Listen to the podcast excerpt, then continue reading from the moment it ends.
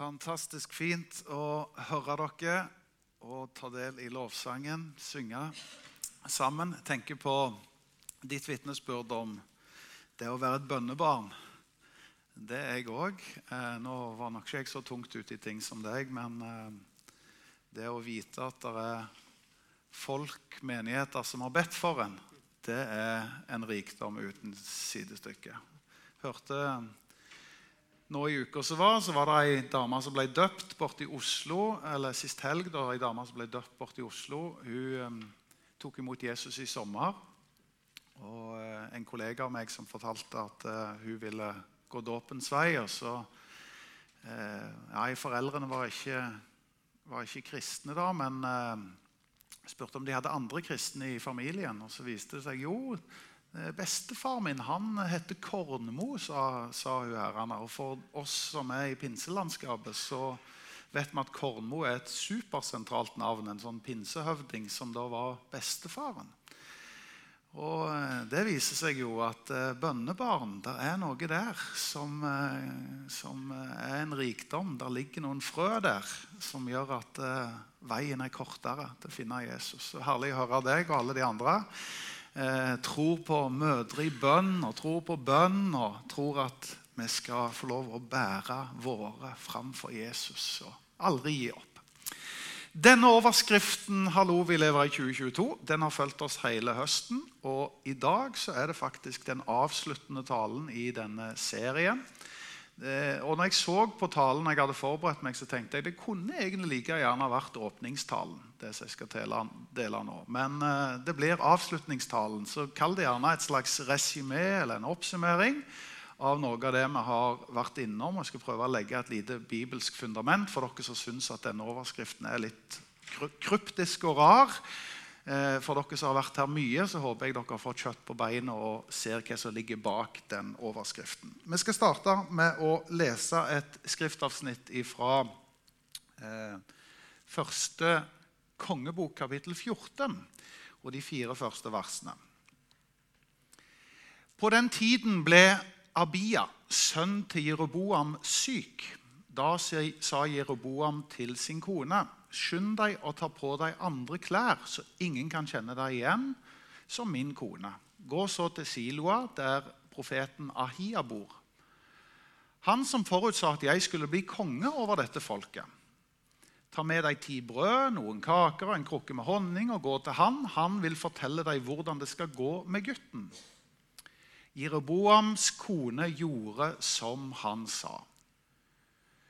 Hun gjorde seg klar og dro til Shiloa og kom til Ahias hus. Og Ahia kunne ikke se, for han var gammel og stiv i blikket. Men Herren hadde sagt til han, nå kommer Jeroboams kone og vil spørre deg til råds om sønnen sin, for han er syk. Så og så skal du svare henne, men når hun kommer, vil hun late som hun er en annen da Ahia hørte lyden av fottrinnene hennes i døren, sa han, 'Kom inn, du Jeroboams kone.' 'Hvorfor later du som om du er en fremmed?' Jeg, deg, 'Jeg er sendt til deg med et tungt budskap.'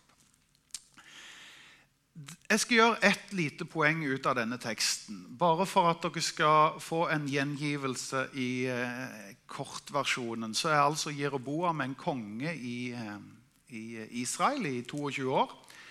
Og På den tida var det ikke sånn at kongene ble det vanligvis på sånn demokratisk vis med at vi stemmer det fram, sånn som vi gjør i våre tider. Men det var ofte en Guds røst, en eh, utsending fra Gud, som pekte på. Altså profetrøster var viktige. Og Her er det altså en profetrøst som da har pekt på at Jeroboam, du skal være konge i Israel. Så Jeroboam blir konge. Og så er han det i 22 år. Eh, men som det skjer med veldig mange andre konger, det er at de blir høye på seg sjøl, og de begynner å få avguder, og det begynner å føre til frafall både i eget liv og i folket. Og så skjer det tragiske i Jereboams familie at sønnen blir syk, dødssyk. Og kona, som engang ikke nevnes med navn her, hun da, får da i oppdrag om å dra til denne Guds profet og eh, Det som er oppdraget fra mannen, altså Jeroboam, kongen, det er kle deg ut. sånn at ingen kjenner deg igjen. Fordi at en vet at eh, vi har gått feil og trødd feil, så nå skal vi på en måte lure Guds profetherrene. Det er egentlig den første Maskorama som eh, noen gang er, er, gjort. For dere som ser Maskorama. Det er å kle seg igjen til det ugjenkjennelige for å se om du kan lure noen. Men denne Guds profet har blitt advart. Så Jeroboams kone kommer til å komme. Hun kommer til å være utkledd, kommer til å prøve å liksom, vise hvem hun er. Men du skal avsløre det, og det er det som skjer. Her er det enkle poenget mitt i innledningen. Det er at enkeltpersoner sånn som profeten, som avslørte det som var falsk, og omfavna det som er rett, det er noe som trengs òg i vår tid. Og vi trenger mer enn enkeltpersoner som er i stand til å avsløre det som er falskt, og identifisere det som er rett. Vi trenger et folk. Vi trenger et troens folk med en åndelig finstemthet som gjør at vi kan identifisere de tingene som er fra Gud i vår tid, og avsløre det som er falskt, og det som er ødeleggende. Da snakker vi om å si 'hallo, vi lever i 2022'. fordi det handler om å ta pulsen på 2022. Det handler om å identifisere det som er bra, og det som vi skal omfavne og applaudere. Men òg å identifisere det som er falskt, det som ikke er fra Gud, og som har potensialet i seg til å villede oss. Vi kan gjerne kalle det for tidsånden. Hva er tidsånden? Tidsånden er det som er det dominerende tankesettet, språket og levemåten i ei tid. Og tidsånden er noe Guds ord oppfordrer oss til å være observante på. Altså, dere bør være i stand til å skjønne tidene, omfavne det som er fra Gud, og avsløre det som er falskt. Fordi at det er ikke alltid sånn at det som dominerer i tida, er det som nødvendigvis er det rette. La meg ta et ekstremt eksempel. Neste år går vi inn i 2023. Da er det 90 år siden demokratisk Adolf Hitler ble valgt i Tyskland. Flertallet ville ha Hitler. Og Nå er det et ekstremt tilfelle. Det skjønner vi. Men hadde flertallet rett? Nei, flertallet hadde jo ikke retta blikket. Så det er ikke alltid sånn at det som er de dominerende tankene, levemønstrene, språket, er det som vi kan omfavne og si som rett. Vi utfordres som Guds folk til å fange opp det som er tidsånden og strømningene, fordi at strømningene kan dra oss i en uønska og feil retning.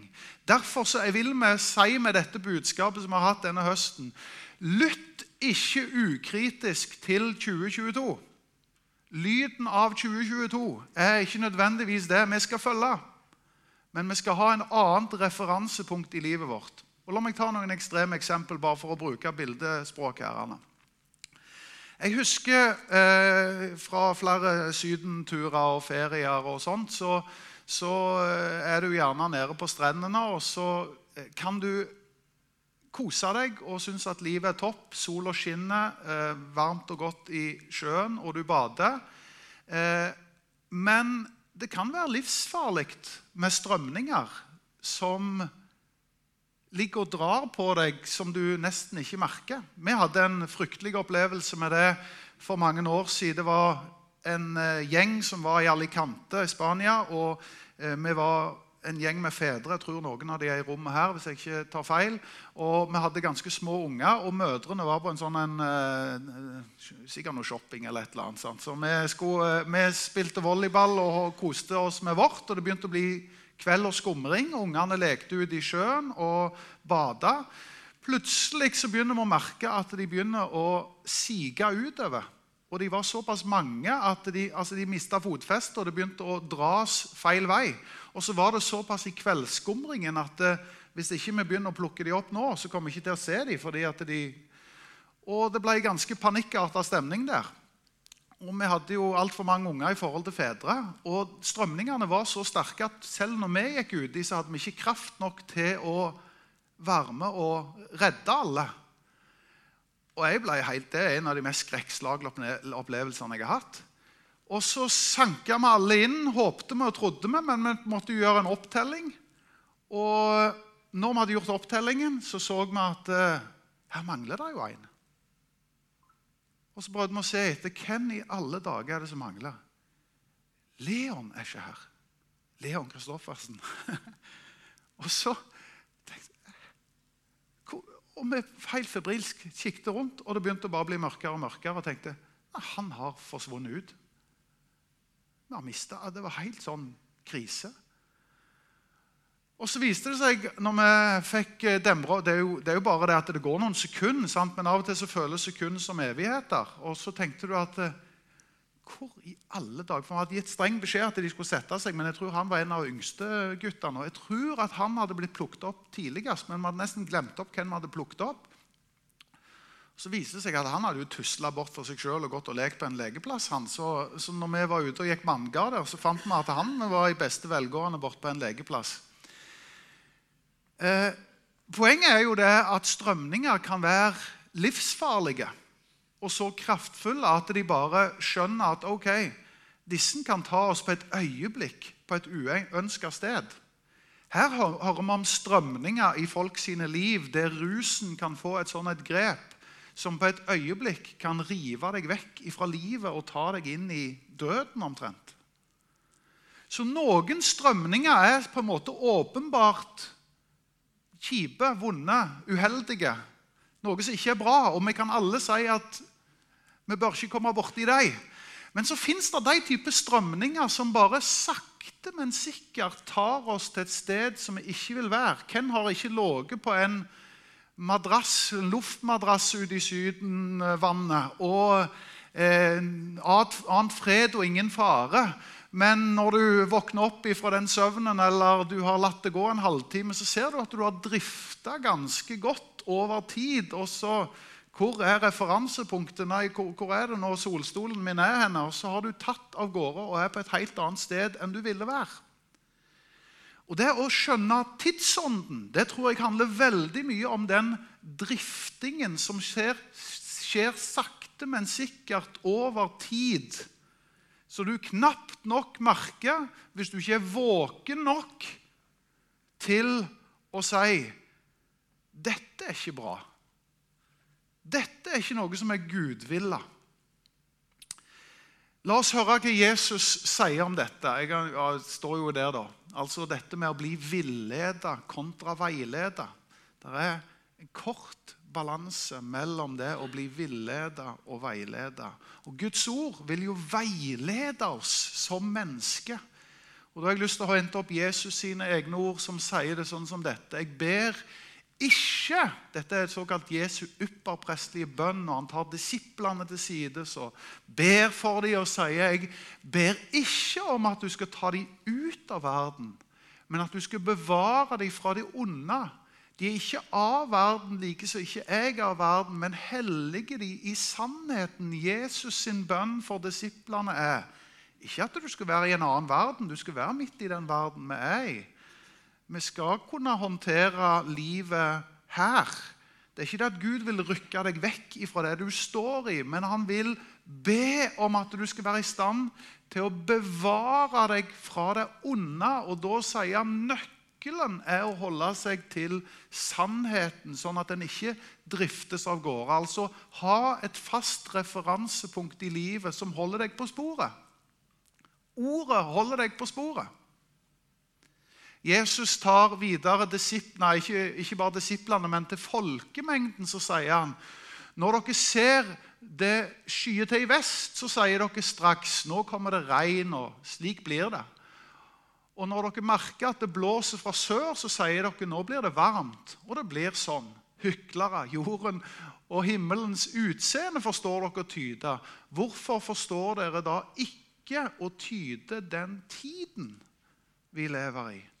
Hva er det Jesus sier? Er det ikke følg med på værmeldingen? Slutt å gå inn på yr.no og hold deg oppdatert. Nei, det er helt greit å være interessert i været, spesielt for en vestlending. altså Sånne dager som dette her, så er det jo egentlig et under at vi hele tatt sitter her inne når vi får så fine dager.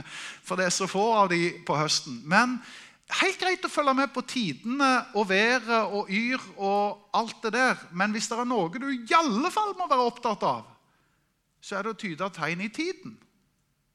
Vær klar over hva som rører seg i den tida som vi lever i. Og Det kan jo angripes fra veldig mange forskjellige vinklinger. Men nå prøver jeg egentlig bare å gi en sånn en oppsummering til slutt. her. Anne. Sørg for, folkens, at vi er våkne.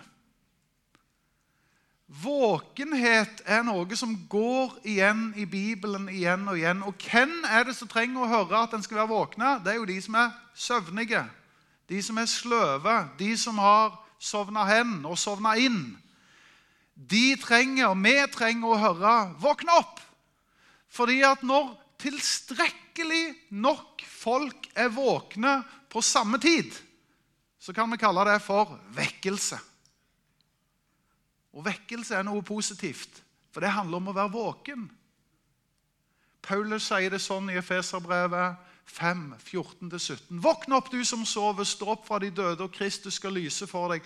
Pass nøye på hvordan dere lever. Ikke som ukloke mennesker, men som kloke, så dere bruker den dyrebare tiden godt, for dagene onde.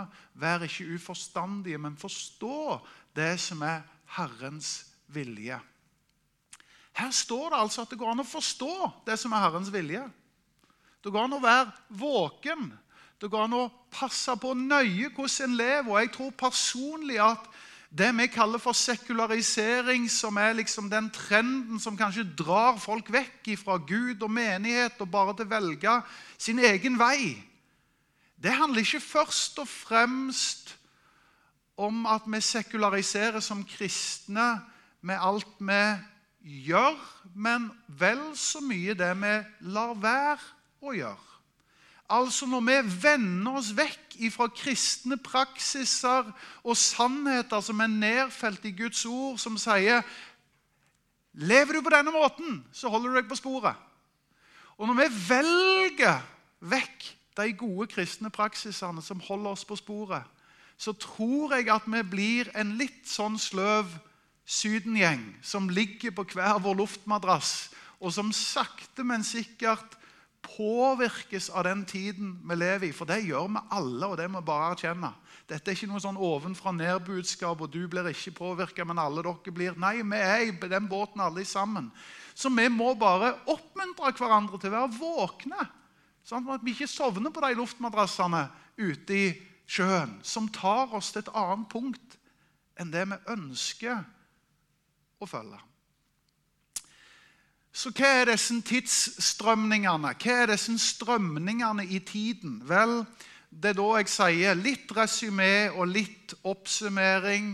Et lite, Ei lita knaggrekke på ting vi har berørt denne høsten.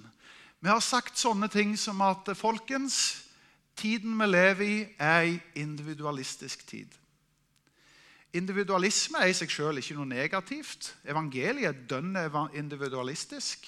Vær den altså eh, Johannes 3, 16, For hver den som tror, skal ikke gå fortapt, men ha evig liv. Gud har gjort det veldig individuelt. Altså, Jeg kan velge personlig relasjon med Gud. Så individualisme i seg selv er egentlig å ta enkeltindividet på alvor og jeg har lov til å velge sjøl for min egen del. Men når individualismen dyrkes på en sånn måte at det blir til egoisme, og jeg pleier egentlig bare meg og mitt eget, så mister jeg synet på fellesskapet. Og vi har sagt at hvis det er en bibelsk praksis som skal hjelpe oss å holde oss på sporet, sånn at vi ikke bare driftes fra individualisme til egoisme, ja, så må vi omfavne fellesskapet. Vi må omfavne det at vi er et stort vi. Og Det er en av de tingene vi har berørt denne høsten. Videre så har vi snakket om at det er en tid av influensere. Det er ikke bare sånn at media er påvirkningen, men det er òg den sosiale media. Det er òg trendsettere. Og da er det vi har sagt noe om at Jesus har alltid vært og skal alltid være influenser nummer én i livet vårt. Å være kobla til Jesus Kristus. Vi har eh, tatt for oss dette med relativisme, som høres vanskelig for mange, men som stort sett handler om at hvis det er en strømning i tiden, så er det dette at det subjektive, altså meg, er et referanse for hva som er rett, ikke det objektive, det som står ut forbi, og som står fast. Fordi at strømningen i tiden er at følelsene trumfer fakta. Sannheten den skal du lage på innsida av deg sjøl, så du finner din egen sannhet. Og så sier vi omfavne ikke det ukritisk, for det er noe som er sant og rett til alle tider. Noe som er objektivt sant, og som står fast. Vi tror at det er Gud. Vi tror at det er Hans ord. Vi tror at det er Hans prinsipper. Vi har snakket om prestasjonskultur, som også preger, som er strømninger i tiden. Høye skuldre. Vi skal prestere, vi skal få til. Og vi tar det ofte med oss inn i det kristne livet òg. Mens nåden er egentlig det som er hele grunnlaget vi står på som troens folk. Nåden gir bærekraft til livet. Det skal i utgangspunktet senke skuldrene våre og si at eh, 'jeg fikser ikke, jeg får ikke til'. Så selv om jeg skal gjøre så godt jeg kan, så er det liksom ikke drivkraften i livet på prestasjonssida, men det å stå støtt på nåden i Jesus Kristus. Vi har snakket om det å stå på, gi jernet og gi alt. og Mange har kjenner til konseptet av å bli utbrent og bli stressa. Vi har ikke noen lettvinte løsninger på det, men det er ting som skjer i tiden, som kan drifte oss vekk. Og Guds ord sier 'omfavn praksisen av hvile'. Hold helligdagen. Velg å ta pauser. Velg å få en rytme i livet der Gud er kilden som jeg stadig går til og henter ny kraft. Vi har sagt noe om karrierejaget som preger tida vi lever i. Det handler om at vi først og fremst måler ting ut ifra CV og karrierestiger og lønn og oppnå, og kanskje vi ikke er så veldig villige til å bidra så mye til det store fellesskapet fordi at det er jo mer lønnsomt å ta en time overtid enn å gå på dugnad, f.eks. Hva sier Guds ord noe om? Jo, det handler om at vi òg er skrudd sammen med evnen til å bygge et fellesskap, til å tjene til frivillighet. Og i en tid der vi blir oss sjøl nok og jager på med vår egen karriere, så trenger vi å si omfavn fellesskapet. Vær med og bidra til det store vi. Til frivillighet, til tjeneste. Vi har snakket om en materialistisk tid. Der har vi jo ikke noe valg. Vi er jo et søkkrikt folk. Vest-Europa, som er det rikeste kontinentet i verden, så ligger vi altså 46% over i velstand enn gjennomsnittet i Vest-Europa. Norge er ei grønn grein. Vi har det ubeskrivelig godt. Snittlønna i Norge er 600 000 kroner. Så kan du sjøl tenke om du ligger over eller under snittet, men det er snittlønna. Snakket senest med professor i økonomi Ola Honningdal Grutten om dette denne uka, for han var og besøkte oss her denne uka her i Hummersåk. Og i denne tida her så er spørsmålet er det sånn at mye vil ha mer.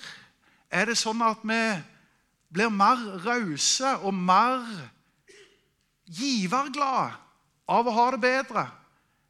Eller blir det at vi blir oss sjøl nok i en materialistisk tid? Jeg tror det er strømninger og drifter i dette som tar oss til et annet sted enn vi vil være.